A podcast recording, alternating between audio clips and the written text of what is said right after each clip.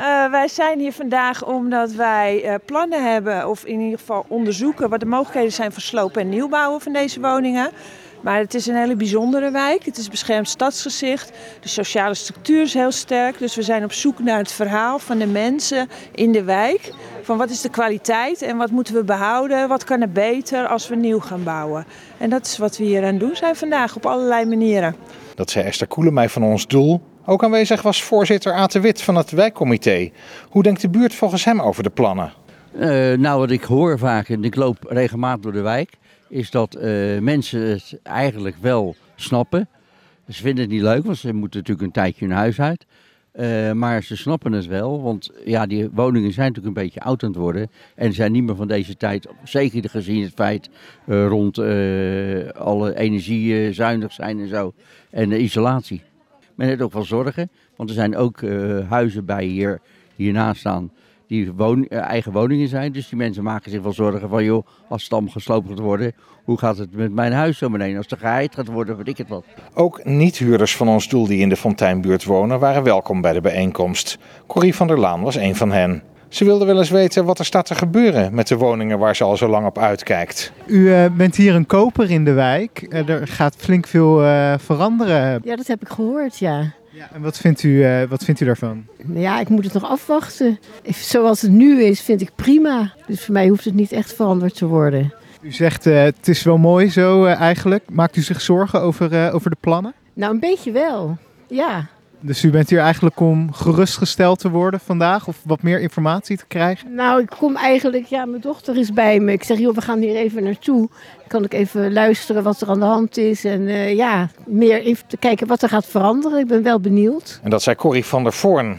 Fransje Barnaert is buurtcoach bij Inclusio. Ook zij spreekt veel wijkbewoners, bijvoorbeeld in de buurtontmoetingsplek. Ik ben van de Bob, hè, Bob Herenstraat. En daar komen mensen voor de koffie drie dagen per week kan je inlopen. En daar wonen natuurlijk, of daar komen natuurlijk veel mensen die er wonen. Ofwel in dit buurtje of in de, in de omgeving. En die spreken elkaar. En die vertellen elkaar van, oh ik ben bij een vergadering geweest. Of onder doel komt zelf, kan ook nog. Die zijn al een aantal keer geweest. En als uh, buurtcoach, wat is uw rol? Een beetje verbinden? Ja, de, ik zorg voor ontmoeting, verbinding en ik hou me bezig met al, er zijn natuurlijk heel veel organisaties en uh, ik probeer dat allemaal te weten. Dus als ik denk, ik kan beter daar terecht, dan verwijs ik. Er zijn nu flinke plannen voor uh, deze buurt. Wat hoort u van de, van de bewoners, de mensen hier in de buurt? Nou, ten eerste dat het spannend is. Nou, laat ik zo zeggen, de huizen zijn niet echt heel best. Er is veel gehorigheid. Niet iedereen heeft even leuke bovenburen als het gehoorig is. Dus sommige mensen vinden het heerlijk. Die denken, nou, hè, er gaat wat gebeuren. Maar andere mensen maken zich echt flink zorgen van... hoe moet dat nou met mij? Die zijn ouder. En, dan, en die komen heel veel bij de Bob. En, en denken dan, ja, maar waar kom ik dan terecht? En wat gaat er dan gebeuren? Ik moet zeggen, ze zijn wel positief over de manier waarop het gecommuniceerd wordt. Dus dat is al heel... Het is niet dat ze allemaal schreeuwend binnenkomen van... Nee, dat valt mee. Dus ja, ons doel die, die communiceert goed. En, en dat merk ik in de Bob ook. Dat mensen blij zijn met wat, wat ze weten tot nu toe. En dat ze vragen kunnen stellen en dat ze weten waar ze terecht kunnen. Dat is het belangrijkste, denk ik.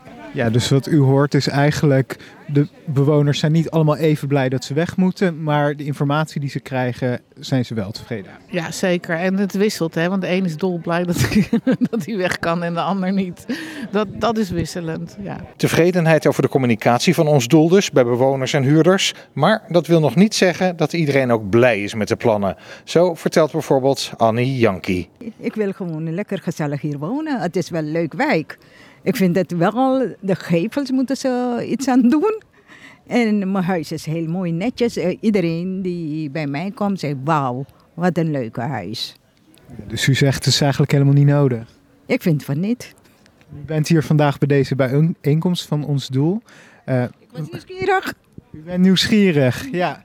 ja. En uh, als het nou toch doorgaat, die, uh, die sloop van de woningen, dan moet u ergens anders heen. ziet u dat überhaupt zitten? Ik vind het echt jammer dat het gaat gebeuren. Maar liefst wil ik toch, als het toch gebeurt, wil ik toch hier komen wonen. Wilt u weer terugkomen? Ja.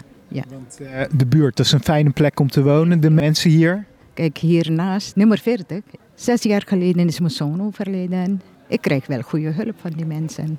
Echt een beetje eh, sociale binding hier. Ja, niet iedereen, maar met hun heb ik goede contact. En dat vind ik wel belangrijk. Als je verhuist, ga je iedereen weer missen. Je moet weer alles vrienden maken, nieuw. Oh nee, ik wacht wel. Kijk wel wat er gaat gebeuren.